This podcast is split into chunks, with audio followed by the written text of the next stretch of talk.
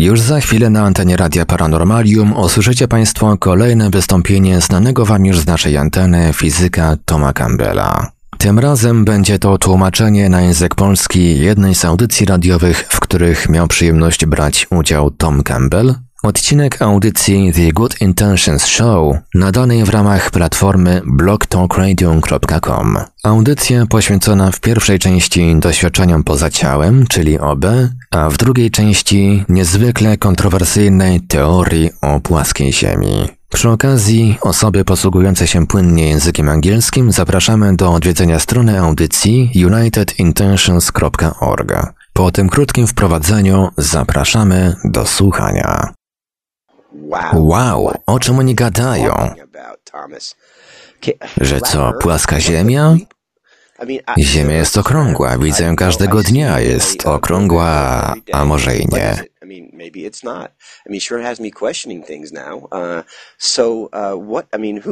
Kto potrzebuje fantastyki naukowej? Tak naprawdę my w takiej fantastyce żyjemy. Dzisiejszy program będzie szalony, ponieważ będziemy również dyskutować o doświadczeniach poza ciałem. Gwoździem programu jest jednak to, że naszym gościem jest dzisiaj zawodowy ekspert, fizyk jądrowy współpracujący niegdyś z NASA, Tom Campbell, który powie nam dokładnie, co tak naprawdę się dzieje. Um, Świetny program. W pierwszej części audycji porozmawiamy o doświadczeniach poza ciałem, w drugiej zaś przyjrzymy się teorii o płaskiej Ziemi. Uwierzycie w to? Dla mnie to jest niesamowite po prostu. Tom, czy masz jakąś umowę z NASA, która nie pozwala ci czegoś powiedzieć, bo jeśli to powiesz, to pójdziesz siedzieć?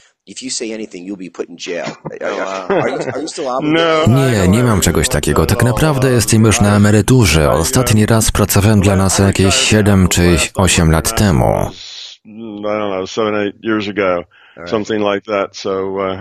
Nie mam więc żadnych dziwnych zobowiązań. Powiem wam dokładnie to, co uważam. Uh, Tom Campbell, fizyk nuklearny, zaczął wraz z Bobem Monroe badać zmieniony stan świadomości, podróże poza ciałem, czyli OB, dalekie podróże oraz najdalsze podróże w laboratorium Roberta Monroe w latach 70.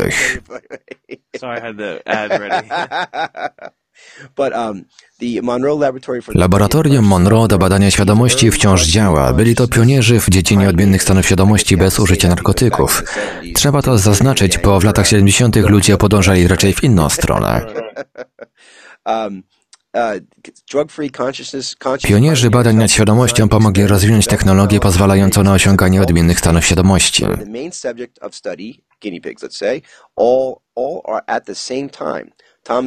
Tom jest fizykiem wymienionym w książce Monroe Dalekie podróże jako fizyk TC. Campbell badał zjawiska związane ze świadomością, umysłem oraz zjawiska paranormalne przez ponad 40 lat. Jest obecny na YouTube, można go spotkać wszędzie. W razie potrzeby pomoże Wam również Google. Wykorzystując swoje nabyte zdolności osiągania doświadczeń pozacielesnych, a właśnie tego w naukowy sposób uczyli w Instytucie Monroe, szkolili jak doświadczać wyjść poza ciało, w charakterze narzędzia do badania czegoś, co nazywa większym systemem świadomości.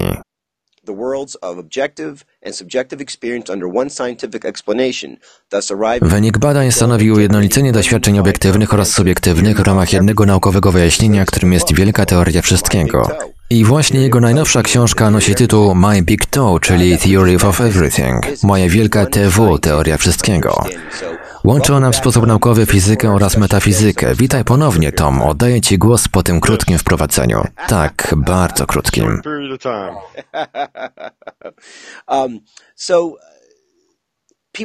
Ludzie są zmęczeni codzienną rutyną, chodzeniem do pracy, jedzeniem tego i tamtego, oglądaniem telewizji, wracaniem do domu, kładzeniem się spać. Mamy tę swoją ogólną rutynę w swoim życiu. Ludzie chcą mieć jakieś nowe doświadczenie, najlepiej bez udziału narkotyków, które nie spowodowałoby efektów ubocznych. Wydaje mi się, że takim doświadczeniem może być doświadczenie wyjścia poza ciało. Osobiście, gdybym miał taką możliwość, robiłbym to cały czas, przez co bez przerwy bym spał i nie wychodziłbym z sypialni.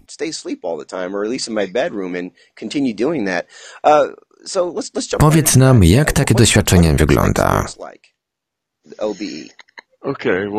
Najpierw musimy zrozumieć, co to tak naprawdę jest. Gdy przeżywasz doświadczenie poza ciałem, jest ono podobne do każdego innego doświadczenia, w którym widzisz, słyszysz, możesz też odczuwać, czuć zapachy.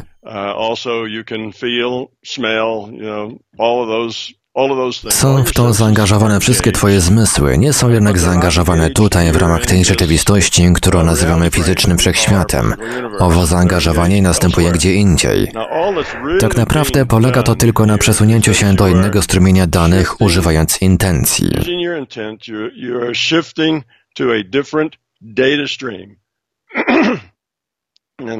Wydaje mi się, że to również muszę wyjaśnić. Żyjemy w wirtualnej rzeczywistości. Nasz fizyczny wszechświat to rzeczywistość będąca wynikiem obliczeń komputerowych.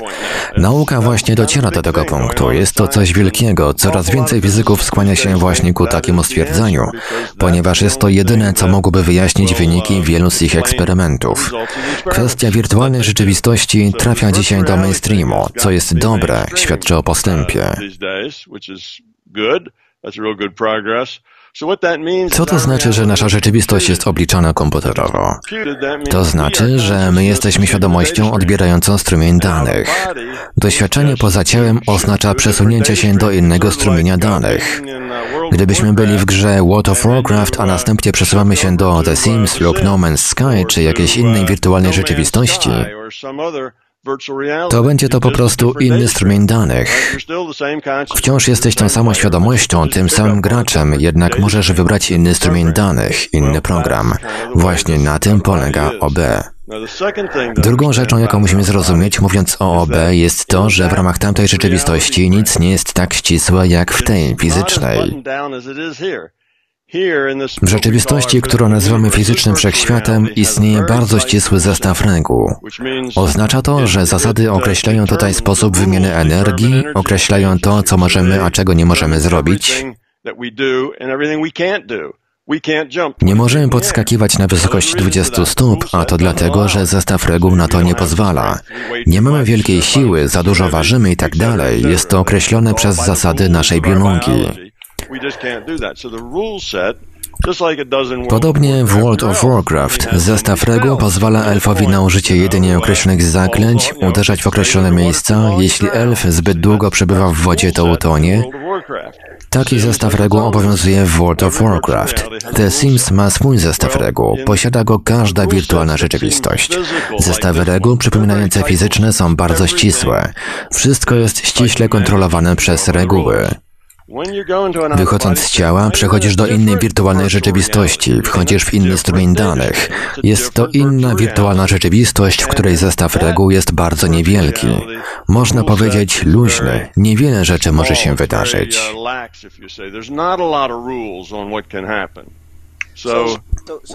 Więc leżysz w łóżku i nie zawsze jesteś świadomy swojego OB. Możesz być również nieświadomy tego doświadczenia, więc nie trzeba wierzyć ani rozumieć tych parametrów, o których wspominasz, aby być w stanie doświadczyć OB.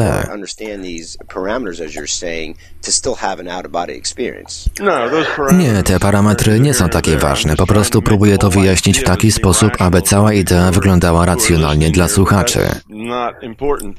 Wiedza o tym wszystkim nie jest istotna. Dojście do punktu, w którym możesz opuścić tę wirtualną rzeczywistość i wejść do innego strumienia danych może kosztować trochę ćwiczeń. Bardziej chodzi tu o oduczenie się czegoś, aniżeli o uczenie się.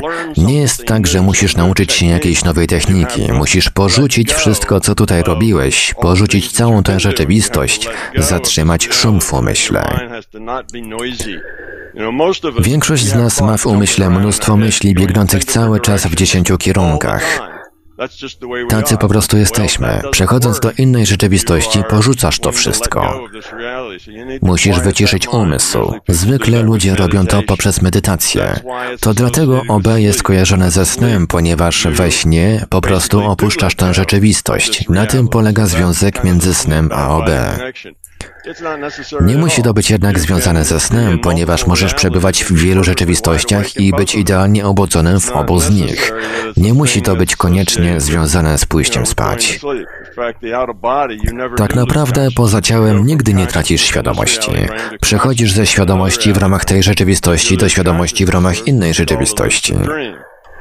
Jeśli najpierw tracisz świadomość, wówczas nazywa się to świadomym snem. Wówczas w jednej rzeczywistości tracisz świadomość, a zyskujesz ją w ramach innej. Jak to jest? Jak wygląda doświadczenie OB? Ponieważ rzeczywistość, w której się znajdujesz po opuszczeniu ciała, posiada bardzo luźny zestaw reguł, to, czego doświadczysz, ma związek z tym, co sam wniesiesz do tej rzeczywistości. W tej fizycznej rzeczywistości mamy pewną zgodność, która mówi, że mamy skupioną intencję i owa intencja może zmienić przyszłe prawdopodobieństwo.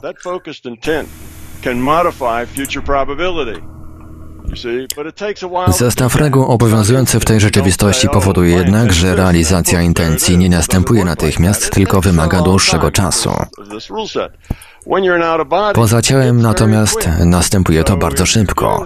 Jeśli więc poza ciałem masz jakieś obawy przed tym, że coś cię może dopaść, ponieważ jest to nieznane, a my obawiamy się nieznanego, to prawdopodobnie napotkasz coś przerażającego. I prawdopodobnie coś cię tam dopadnie, ponieważ to manifestujesz, a dzieje się tak dlatego, ponieważ właśnie to masz w swoim umyśle. Duża część z tego, co zobaczysz, będąc poza ciałem, będzie miała związek z tym, co sam do tego doświadczenia wniesiesz, swoje lęki. Jeśli nie chcesz bezustannie miotać się z własną grą tutaj, tworząc tam rzeczy, z którymi będziesz musiał się zmagać, to najpierw musisz pozbyć się lęku. Musisz pozbyć się wszelkich oczekiwań. Jeśli czytałeś książki i było tam napisane coś w stylu to jest OB, to jest moje doświadczenie i myślisz sobie, że właśnie tak to musi wyglądać, to właśnie takie doświadczenie będziesz miał. Będziesz próbował doświadczyć tego samego, czego doświadczył ktoś inny, ponieważ takie właśnie będziesz miał oczekiwania. Świat poza ciałem nie jest taki jak świat fizyczny. Każdy, kto przyjeżdża do Chicago, widzi mniej więcej to samo. Planetarium, wysokie budynki, jezioro. I wszyscy tam przyjeżdżają i widzą to samo. W świecie poza ciałem tak nie jest, ponieważ otrzymujesz dane, które musisz zinterpretować. Każdy interpretuje te dane inaczej, zgodnie ze swoimi lękami, troskami, ze swoim doświadczeniem. Będziemy to więc interpretować na różne sposoby, nawet będąc dokładnie w tym samym strumieniu danych. Nie będzie to wyglądało jak to samo miejsce. Tutaj w tej rzeczywistości fizycznej z bardzo ścisłym zestawem reguł każdy dostaje mniej więcej to samo. Nie ma tu zbyt wiele miejsca na interpretację. Nie ma czegoś takiego, że tobie budynek wydaje się niski, a komuś innemu wysoki. Wszyscy mniej więcej zgadzamy się w tej kwestii, ponieważ właśnie to się dzieje, gdy masz bardzo ścisły zestaw reguł i wszystko jest dobrze zdefiniowane zdefiniowane przez zasady. W większym systemie świadomości, który możesz eksplorować, i tak naprawdę to właśnie ten system eksplorujesz przebywając poza ciałem, zestaw reguł nie jest taki ścisły. To, co myślisz, jest bardzo mocno związane z tym, co zobaczysz. Twoja historia, przekonania, to wszystko ma bardzo duży wpływ na to, czego doświadczysz. Nie tylko, że nic nie jest ustalone, ale również sam system wykorzystał okazję, by wysłać coś do Twojego strumienia danych, jakiegoś rodzaju obrazy, elementy, które mogą być dla Ciebie pomocne w rozwoju, czy też lepszym zrozumieniu tego, co robisz. You may um, Mając lęk, odnajdziesz przerażające doświadczenie i jeśli przeżyjesz takie właśnie doświadczenie, pozostawi cię ono z jeszcze większym lękiem. Problemem jest sam lęk. Lęk jest problemem, a cała rzeczywistość dąży do tego, by było go mniej.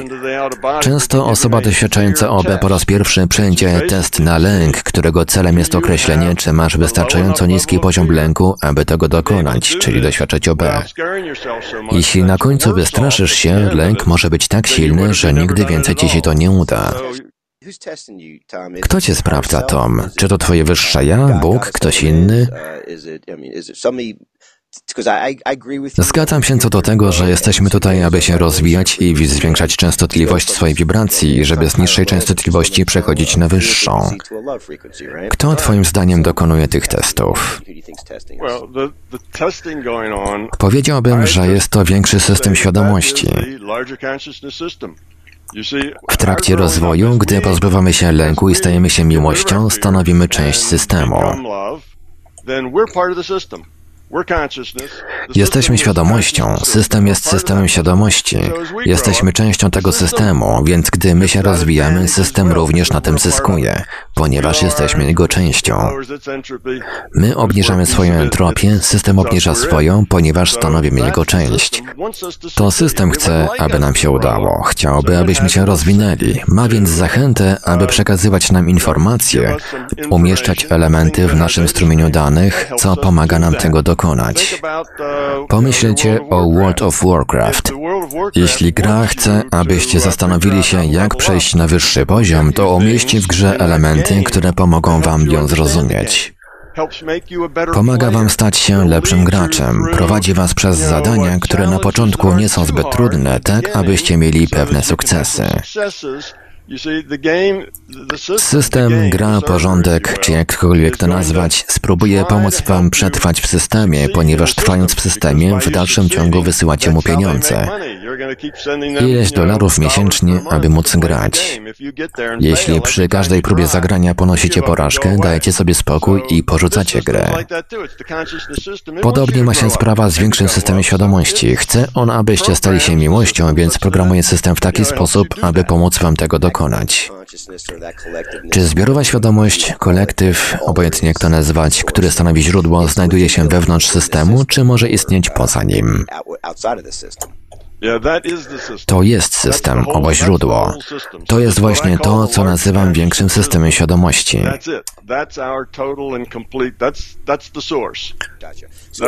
Czy więc Twoje myśli, emocje działają jako swego rodzaju joystick, kontroler? Dokładnie tak. Twoja intencja stanowi myśl przewodnią, która zmienia rzeczy. Do tej rzeczywistości poza ciałem wchodzisz przede wszystkim używając swojej intencji. Musisz pozbyć się rzeczywistości fizycznej. Innymi słowy, musisz pozbyć się tego strumienia danych.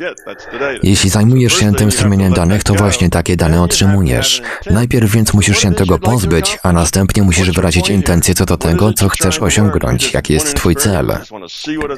Czego chcesz się nauczyć? Chcesz to po prostu przeżyć, zobaczyć jak to wygląda i tak dalej. I gdy masz już tę intencję, to wtedy ona działa właśnie jak taki joystick, klawiatura, myszka i tak dalej. To ona powoduje, że rzeczy się dzieją. Jest to świetna analogia tego, jak można zrozumieć te różne fazy, czy też różne stany istnienia. Um, uh, Gdy leżysz w łóżku, przechodzisz przez ten proces, o którym można przeczytać w wielu książkach. Relaksujemy się, uh, wyrażamy intencje, że chcielibyśmy mieć pozytywne doświadczenie, określamy, co chcemy zrobić. Przykładowo, udać się do domu sąsiada i zobaczyć, co tam się dzieje, a następnie nastraszyć kogoś. Um, można również wyrazić negatywną intencję, jeśli dobrze rozumiem. right. Okay. So duck. Right. Dokładnie. Niektórzy ludzie dokonują zdalnego postrzegania. Tak, można zdalnie postrzegać. Więc leżysz i chcesz przeżyć to doświadczenie. Jaki proces wtedy zachodzi? Czy rzeczywiście czujesz fizycznie, że opuszczasz ciało? Opisz nam, jak wygląda to doświadczenie pod względem fizycznym. Pod względem fizycznym doświadczenie będzie ulegało zmianie z biegiem czasu. Na początku, ponieważ nie wiesz czego się spodziewać, w pewnym sensie będziesz tworzył rzeczy, które będą ci dawały pe pewne znaki, czy też wskazówki, że coś się dzieje i że nie tylko leżysz w łóżku. Potrzebujesz tych wskazówek, ponieważ w przeciwnym razie będziesz po prostu czuł, że leżysz w łóżku i nic się nie dzieje, niczego nie zauważysz. Ponieważ jako początkujący potrzebujesz wskazówek, będziesz je otrzymywał. Jedną z rzeczy, jakie możesz zacząć otrzymywać, jest uczucie, że twoje ciało zaczyna wibrować. Prawie jak flaga na wietrze, ciało drży i wibruje. Możesz słyszeć brzęczenie, niekiedy ludzie czują wstrząsy elektryczne. Często spotykaną rzeczą jest tak zwany paraliż senny. Ludzie nie są w stanie się poruszyć. Leżą w łóżku i choć ich umysł jest obudzony, to jednak nie mogą się poruszyć i czują się jak gdyby byli sparaliżowani. Często potem następuje panika, której towarzyszy dużo lęku i w jakiś sposób ludzie wtedy się budzą i obawiają się przeżyć coś takiego ponownie. Wszystko to jednak są wskazówki, że możesz opuścić strumień danych fizycznej rzeczywistości.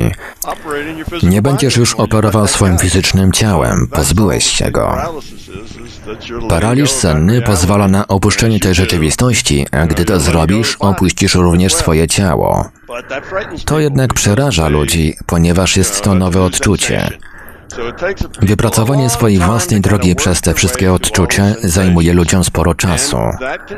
To może być również częścią Twojego testu na lęk, w takim sensie, że gdy wchodzisz w ten stan wibracji i wibracje stają się gwałtowne, zastanawiasz się, czy czas zacząć się obawiać tego, co się stanie dalej. Wracasz do paniki i lęku i całe doświadczenie znika. Sposobem na poradzenie sobie z tym jest po prostu pozwolenie, aby to działo się dalej. Niech się dzieje co chce. To jest tak, jak gdybyś ujeżdżał konia, który nigdy wcześniej się nie zerwał. Musisz go ujeżdżać do czasu, aż się uspokoi. Po prostu zrelaksuj się i pozwól się temu dziać. Następnie system dostrzeże, że nie jesteś przerażony. Okej, okay, przejdźmy do następnego kroku. Wówczas wibracje się uspokoją i zanikną.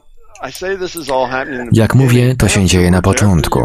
Po tym, jak już osiągniesz w tym perfekcję, to już nie jest takie bolesne, nie musisz się kłaść. Nie musisz nawet zamykać oczu. Nie musisz przez to wszystko przechodzić. Nie ma pulsowania, nie ma niczego. Po prostu przesuwasz się do innego strumienia danych i jesteś w nim. Możesz być w połowie w tej rzeczywistości, a w połowie w innej. Ja na przykład mogę rozmawiać z wami na Skype tak jak teraz i jednocześnie przebywać w innym miejscu robiąc w tym samym czasie coś innego.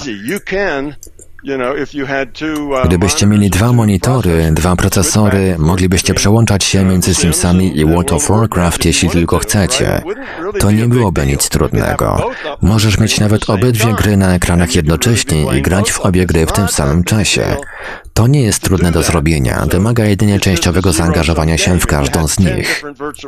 Gdybyście mieli 10 rzeczywistości, w żadnej z nich nie moglibyście przebywać całkowicie. Dzielilibyście swoją uważność między wszystkie 10. Na tym właśnie polega różnica. Na początku jest to trudne, później nie przysparza żadnego kłopotu. To wydaje się dużo bardziej wydajne niż używanie jednocześnie Skype'a i innych narzędzi do komunikacji.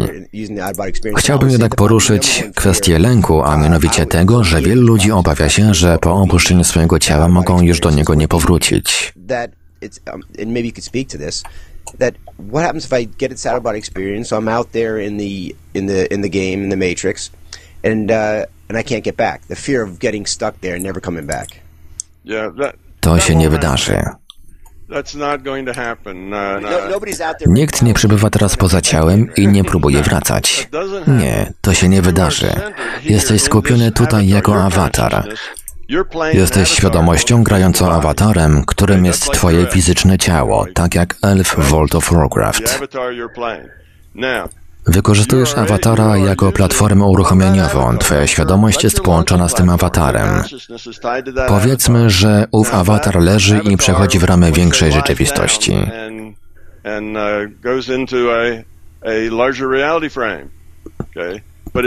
Świadomość robi to jednak z tego awatara. Jesteś połączony z tym awatarem, ostatecznie więc ty i awatar jesteście połączeni.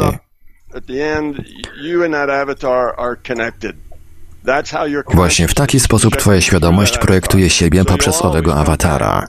Zawsze więc powrócisz do tego awatara. To nie jest problem. Budzisz się następnego ranka i będziesz leżał w tym łóżku, w tym ciele, wstajesz, musisz iść do pracy każdego dnia. W większości lęk, o którym mówicie, stanowi lęk przed nieznanym. Udając się w nieznane miejsce, zastanawiacie się, czy jest tam coś strasznego, czy są tam jakieś potwory chcące mnie pożreć. Może nie uda mi się wrócić. Mając te wszystkie lęki, manifestujesz te wszystkie rzeczy i one się dzieją. Jeśli się obawiasz, że możesz nie wrócić i pomyślisz sobie, Boże mój, jak ja wrócę, to stanie się to twoim lękiem, który zamanifestuje się natychmiast, przez co w ciągu sekundy obudzisz się zlany zimnym potem i będziesz obawiał się opuszczać swoje ciało, ponieważ będziesz myślał, że było to na tyle straszne, że boisz się, że nie wrócisz. Wygląda na to, że manifestowanie w tym stanie zachodzi dużo szybciej. Tak, bardzo szybko. Jeśli więc wychodząc poza ciało nie będę pewny ustabilizowania swojego umysłu i nagle pomyślę sobie o atakujących mnie dwóch reptilianach, to wtedy doświadczę tego natychmiast i przeżyję owo emocjonalne doświadczenie. At that moment and and I'll and I'll go through the emotional uh, experience, right? Yes, exactly. Tak, dokładnie, tak właśnie jest. Jeśli chcesz to eksplorować, to najpierw musisz przyjąć kontrolę nad swoją świadomością, tak aby nie mieć ciągle myśli tworzących tego typu rzeczy.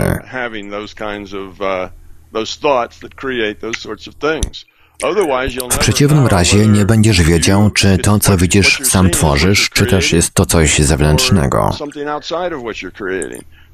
Pierwszym krokiem jest więc przejęcie kontroli nad Twoim umysłem. i to właśnie dlatego wszyscy zaczynamy od medytacji, ponieważ jest to praktyka mająca na celu przejęcie kontroli nad umysłem i czyszczenie go tak, aby nie było w nim żadnych myśli. Jeśli nie posiadasz żadnych myśli, to wówczas to, co widzisz, jest tworzone poza Tobą, a nie przez Ciebie. To właśnie dlatego medytacja jest zwykle pierwszym krokiem, a jeśli tego kroku nie wykonasz, to wówczas Twoje doświadczenia będą będą w pewnym stopniu dzikie i szalone, ponieważ taka właśnie trochę dzika i szalona jest Twoja świadomość. Pozwól, że o coś zapytam. Jeśli nasza wyobraźnia, myśli i intencje tworzą całe to doświadczenie podczas przebywania poza ciałem, to w jaki sposób odróżniasz, czy też inaczej, czy istnieje jakaś różnica, czy istota, którą właśnie widzisz, na przykład ktoś obcy, rzeczywiście istnieje? czy też stanowi wytwór Twojej wyobraźni.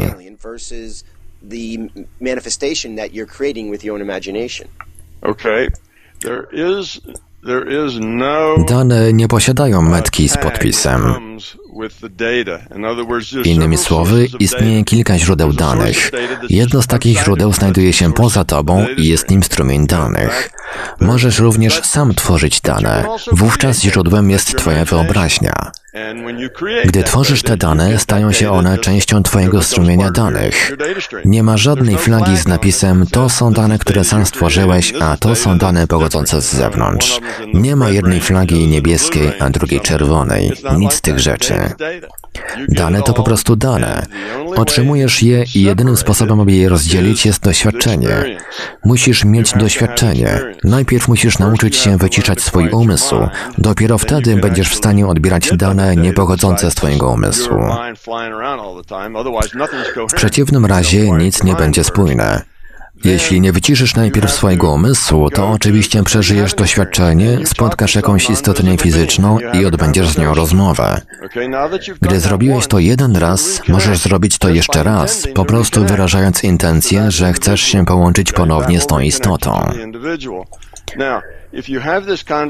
To spowoduje ponowne połączenie się z tą osobą. Jeśli odbyłeś taką rozmowę jeden raz, to nie masz możliwości określić, czy to rzeczywista rozmowa, czy była ona wytworem Twojej wyobraźni. Jeśli jednak odbyłeś tę rozmowę 20 razy, poruszając przeróżne tematy, to będziesz w stanie określić, czy są to rzeczy, o których już od dawna wiedziałeś, czy też może jest to coś pochodzącego w całości spoza Twojej głowy. Pytanie jednak tak naprawdę nie brzmi, czy to jest prawdziwe, ale czy to jest użyteczne, czy to pomaga mi się rozwinąć, czy jest ważne, ponieważ równie dobrze możesz rozmawiać sam ze sobą i to też może być ważne.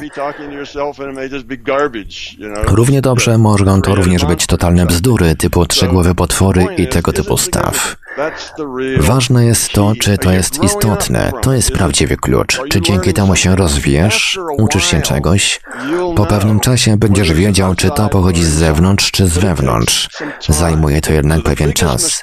Największym błędem, który ludzie popełniają, gdy wchodzą w coś po raz pierwszy, jest kwestionowanie i osądzanie tego na zasadzie, czy to jest prawdziwe, czy ja to sobie wymyśliłem, czy to pochodzi ode mnie, czy z zewnątrz, co się dzieje.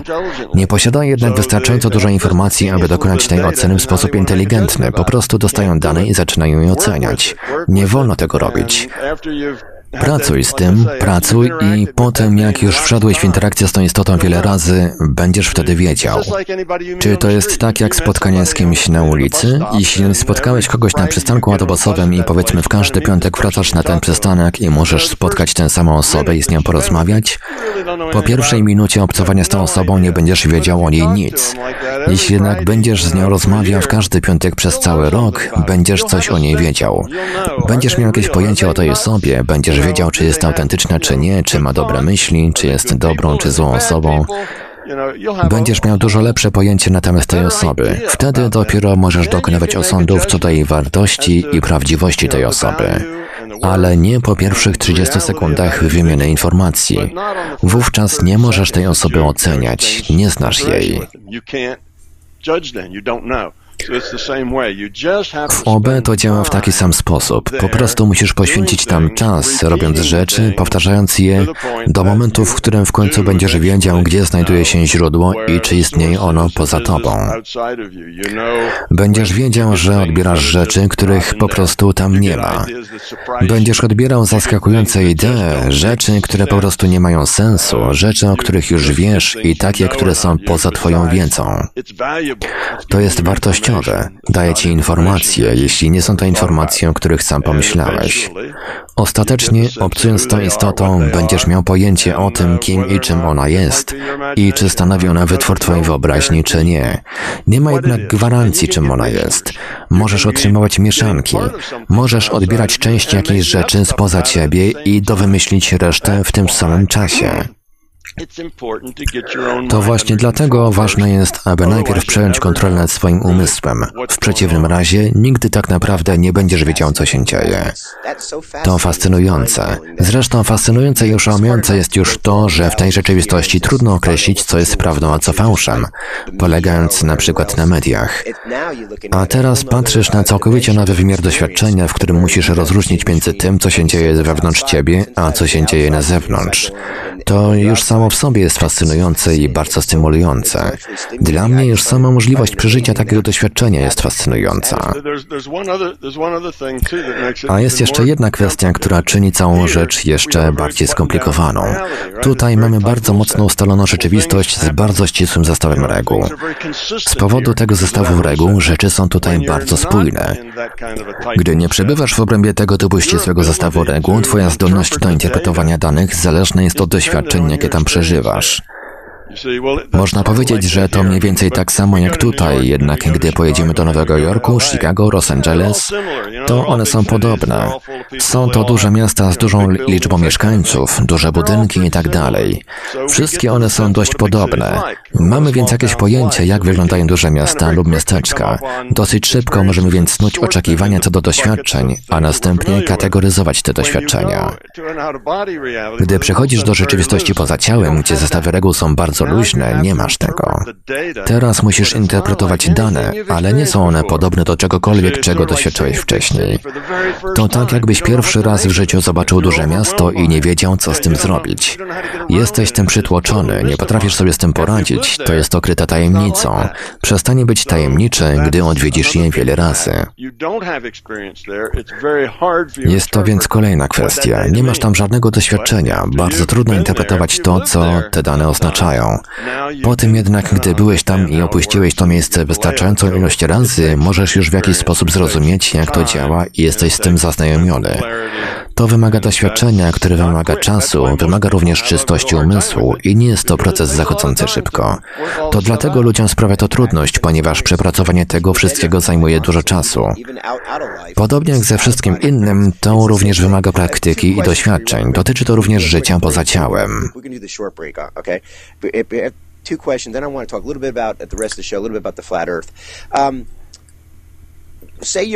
Powiedzmy, że przeszedłeś już ten początkowy proces, doświadczyłeś przebywania poza ciałem, medytowałeś, pozbyłeś się pewnych początkowych lęków i doświadczasz tego, czego wcześniej nie doświadczałeś. I nagle wdziera się do twojej głowy jakaś przerażająca myśl. Chcesz się jej pozbyć, gdy tylko powrócisz do ciała. Co byś zasugerował, aby w razie takiego zdarzenia skupić się ponownie na tym, czego doświadczasz w dawnym momencie? Jedynym antidotum na lęk, od którego pochodzi owa straszna myśl wbijająca się do głowy, jest odwaga. Gdy taka straszna myśl przychodzi ci do głowy, musisz mieć odwagę, aby tę myśl zaakceptować i stawić jej czoła. Gdy przebywasz poza ciałem i przykładowo zaczynasz się zastanawiać, ile czasu minęło i że może straciłeś rachubę czasu i że może nie uda ci się wrócić, to po prostu mi odwagę, by powiedzieć sobie w porządku. Stanie się to, co się stanie, a ja to zaakceptuję. Musisz mieć takie podejście. Jeśli pomyślisz sobie, o, jestem poza ciałem, pewnie jakieś potwory zaraz przyjdą i łatwo będzie mnie dorwać, musisz powiedzieć sobie, no w porządku, stawię temu czoła. Więc jedynym antidotum na lęk jest odwaga. Po prostu pozwalasz się temu dziać, akceptujesz to. Na początku możesz mieć obawy, że może nie uda ci się wrócić, umrzesz, to będzie twój koniec, a rano ktoś przyjdzie i odkryje twoje zwłoki leżące na łóżku. Wtedy musisz sobie powiedzieć, w porządku, zrobię to, a jeśli to się stanie, to niech się stanie. A jeśli się nie stanie, to nie, ale zaakceptuję to i pójdę dalej. Jeśli nie masz w sobie odwagi, to zawsze będzie ci towarzyszył lęk. To wymaga odwagi. Musisz być w stanie zaakceptować to, że jeśli coś się stanie, to stawisz temu czoła. Zrobisz to, co potrafisz zrobić najlepiej. Stanie się to, co ma się stać i to jest okej. Okay. No, uh, Uważam, że to świetna porada. Trzeba przez to przejść, stawić temu czoła, przesunąć swoją intencję tak, aby przejść przez ten proces. Ponieważ robiłeś to przez tak długi czas jesteś jednym z założycieli Instytutu Monroe, monitorowałeś wszystko pod kątem naukowym dokonywałeś pomiarów i tak czy teraz, będąc w coraz bardziej zaawansowanym wieku, jesteś bardziej lub mniej zaangażowany w OB? Jesteś bardziej zaangażowany w tę rzeczywistość, czy w OB?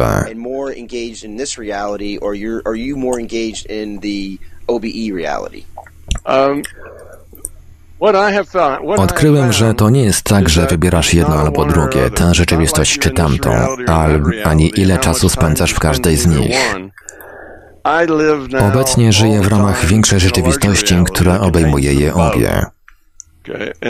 Większa rzeczywistość obejmuje wiele ram rzeczywistości. I nie jest tak, że muszę opuścić tę rzeczywistość, by udać się tam i odwrotnie. Mogę realizować procesy równolegle. Krótko mówiąc, żyjesz w większej rzeczywistości. W im większej żyjecie rzeczywistości, tym więcej macie wyborów. Trochę trudno mi to opisać, ale mogę to porównać do oglądania dwóch rozgrywek sportowych na jednym monitorze.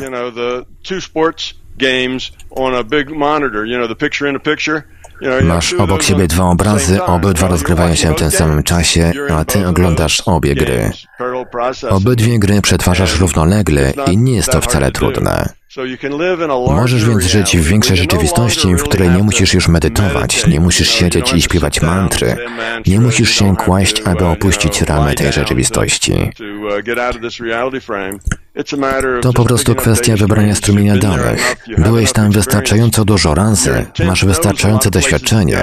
Twoja intencja zna wiele miejsc, w które można się udać, wielu ludzi, wiele rzeczy, które można robić. Więc nie jest to kwestia konieczności pójścia tam i eksplorowania. Po prostu robisz to, łączysz się z tym, odbierasz potrzebne ci dane. Ostatecznie to nie jest nawet kwestia twojego intelektu, na zasadzie teraz zrobię to, a potem zrobię tamto. Po prostu żyjesz w tej większej przestrzeni i w sposób naturalny wchodzisz z nią w interakcję przez cały czas. Nie jest to już więc kwestia dokonywania wyboru w sposób bardziej intelektualny. Po prostu żyjesz w większej przestrzeni, w której ktoś podchodzi i mówi cześć, nazywam się Janko Kowalski, jak się masz? Ściskacie sobie dłonie, rozmawiasz z Jaśkiem, ale jednocześnie możesz otrzymywać informacje o Jaśku i innych rzeczach, związkach itd. Tak to wszystko przyjdzie do ciebie, gdy tylko o tym pomyślisz. Przechodzisz od doświadczenia życia na zasadzie czarne-białe do postrzegania większej perspektywy. Odczuwasz więcej szczegółów. Tak, również z kolorowej perspektywy. Ostatecznie dojdziesz do tego, że będziesz żył w większej rzeczywistości, ponieważ nie będzie to już takie trudne, wręcz przeciwnie. I to wszystko łączy się po prostu w większą przestrzeń do życia. W pierwszej części programu wspomnieliśmy, że w dalszej części pomówimy o płaskiej Ziemi. To wygląda jak fenomen, który objawił się na wiele sposobów. Mamy bardzo wielu ludzi wierzących w to, że Ziemia jest płaska. Uważają oni, że Ziemia tak naprawdę nie jest globem, tylko płaskim tworem. I to nie Ziemia obraca się wokół Słońca i innych gwiazd, tylko to wszystko kręci się wokół niej. Jest to nietypowy koncept nawet dla człowieka o otwartym umyśle. Przez całe życie uczono mnie, aby mieć otwarty umysł, ponieważ rzeczy nie są takie, jakimi wydają się być. Jak ty odnosisz się do teorii o płaskiej Ziemi i w jaki sposób można to odnieść do aspektu związanego z wirtualną rzeczywistością? Uh, Trudno ci przyjąć tę ideę ze względu na to, że kłóci się ona z twoimi poglądami. To bardzo dobra idea. Właśnie to nazywa się sceptycyzm z otwartym umysłem. Zawsze musisz mieć otwarty umysł i być sceptyczny w każdej kwestii. Mamy tę ideę płaskiej Ziemi, która wyrosła w ciągu ostatnich trzech czy czterech lat.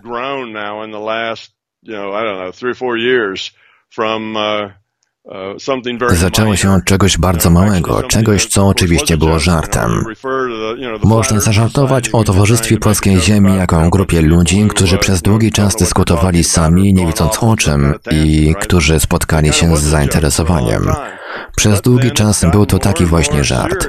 Z czasem jednak potraktowano to poważnie i coraz więcej ludzi zaczęło traktować temat serio. Jeśli przyjrzeć się temu, czym tak naprawdę jest Ziemia, możemy naprawdę rozmawiać o tym, czym jest cały fizyczny wszechświat. To jedynki i zera, dane zapisane na twardym dysku. Dane na dysku nie są wymiarowe. To, co jest obliczone w komputerze, tak naprawdę nie ma żadnych wymiarów.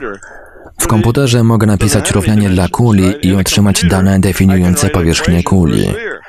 To istnieje tylko w komputerze. Nie powiemy, że to jest kuliste, bo to tylko dane reprezentujące kulę. Równie dobrze mogę napisać równanie reprezentujące płaską powierzchnię. Wówczas wszystkie punkty będą określały ten płaski plan. Tak naprawdę to nie jest plan, tylko dane w komputerze. Well, it's not really a plane, it's just data in a computer. Dane w komputerze nie są wymiarowe. Tak naprawdę w wirtualnej rzeczywistości nie istnieją wymiary. Ten cały wszechświat wydaje się fizyczny. Ścisłe zestawy reguł wydają się fizyczne. Fizyczny wszechświat jest rzeczywistością wirtualną. To tylko zestaw jedynek i zer w procesorze i ten zestaw nie posiada wymiaru. Posiada on jednak zestaw zasad, który określa, w jaki sposób wszystko tutaj działa. Nie mogą się rozegrać zdarzenia będące w sprzeczności z zestawem reguł. Wygląda na to, że według tutejszego zestawu reguł żyjemy w trójwymiarowej rzeczywistości. W takiej rzeczywistości masz trójwymiarowe kształty. W rzeczywistości trójwymiarowej możesz również mieć elementy dwuwymiarowe, takie jak płaszczyzny płaszczyzny oraz elementy jednowymiarowe, takie jak linie.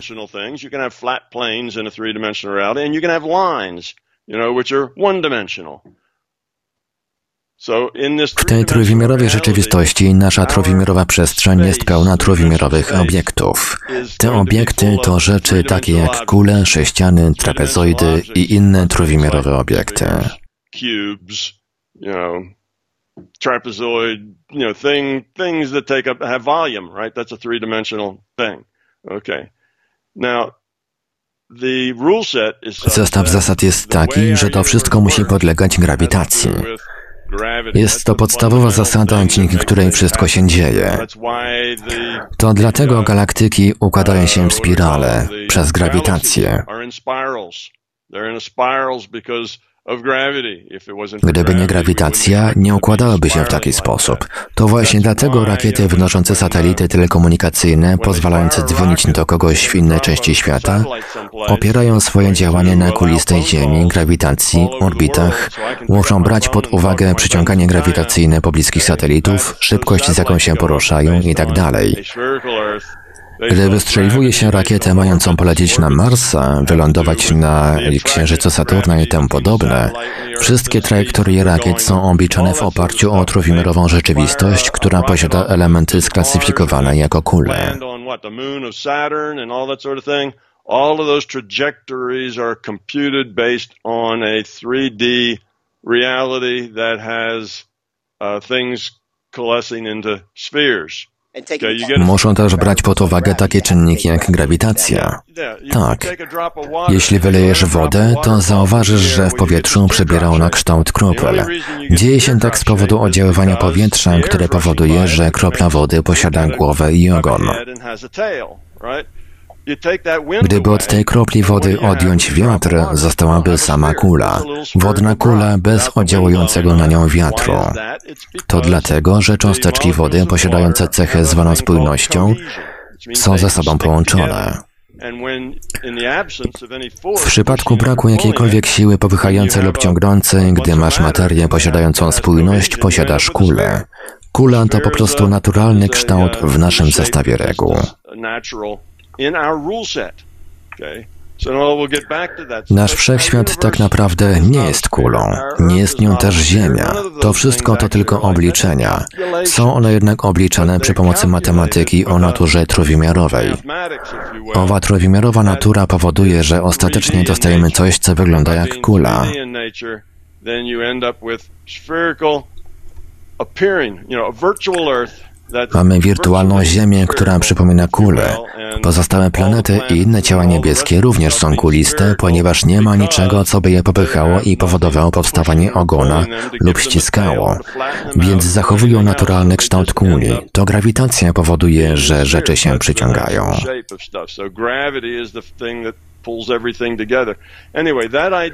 Idea grawitacji pozwala na wylądowanie rakiety na Księżycu. Ale płaskoziemcy chyba nie wierzą w coś takiego jak grawitacja. No, Niewątpliwie. Rzecz jednak w tym, że dzisiaj mam wielu ludzi, którzy wykazują daleko sceptycyzm we wszystkich kwestiach. Są sceptyczni wobec wszystkiego, co głosi jakakolwiek instytucja bądź autorytet about anything that any institution of authority might say. Jeśli masz rząd lub jakieś inne główne źródło władzy, to wszystko, co władza powie, jest uważane za kłamstwo. Wszystko, co powie jakiekolwiek rząd, uważa się za kłamstwo. Jeśli zaczniemy od tego, to wówczas to, co nauka mówi o kulistej Ziemi, również musi być kłamstwem. W przeciwnym razie nie mówiliby tego.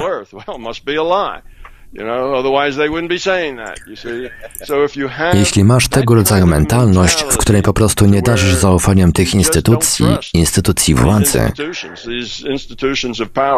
nie ufasz im do tego stopnia, że wszystko, co powiedzą, uważasz za oszustwo. Nie jest to taka znowu zła idea, ponieważ oczywiście te wielkie instytucje, rządy i wielkie korporacje naprawdę nas okłamywały. To jest fakt. Nie oznacza to jednak, że teraz mamy z automatu uznawać za kłamstwo wszystko, co tylko nam powiedzą.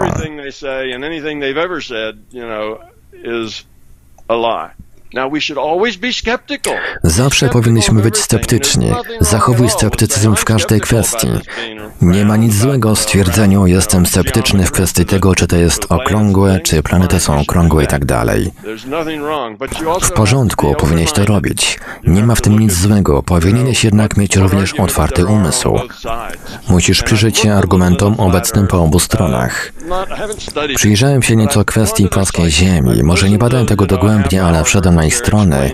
Wysłuchałem ich wyjaśnień, dlaczego Ziemia musi być płaska i w większości to jest po prostu źle przeprowadzone badanie. Dosłownie zła nauka.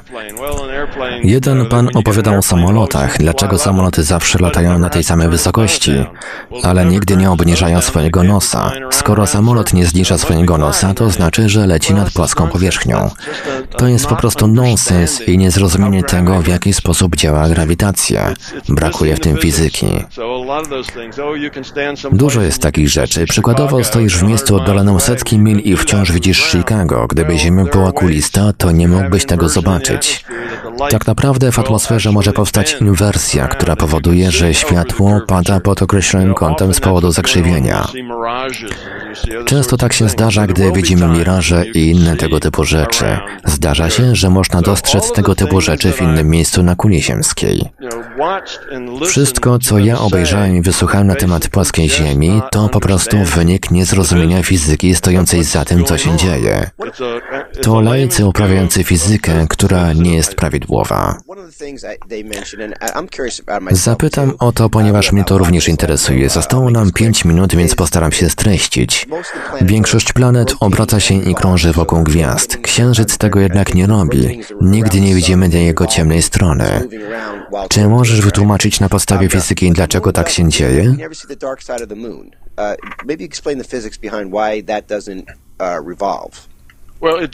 Tak naprawdę Księżyc się obraca. Robi to z taką samą częstotliwością i prędkością co Ziemia. Gdy Księżyc nas okrąża, czasami widzimy jego przód, kiedy indziej jego tył. Jednak on się obraca, dokonuje obrotu wokół własnej osi w tym samym czasie, w którym krąży wokół nas. Dlatego my zawsze widzimy tę samą jego stronę. So.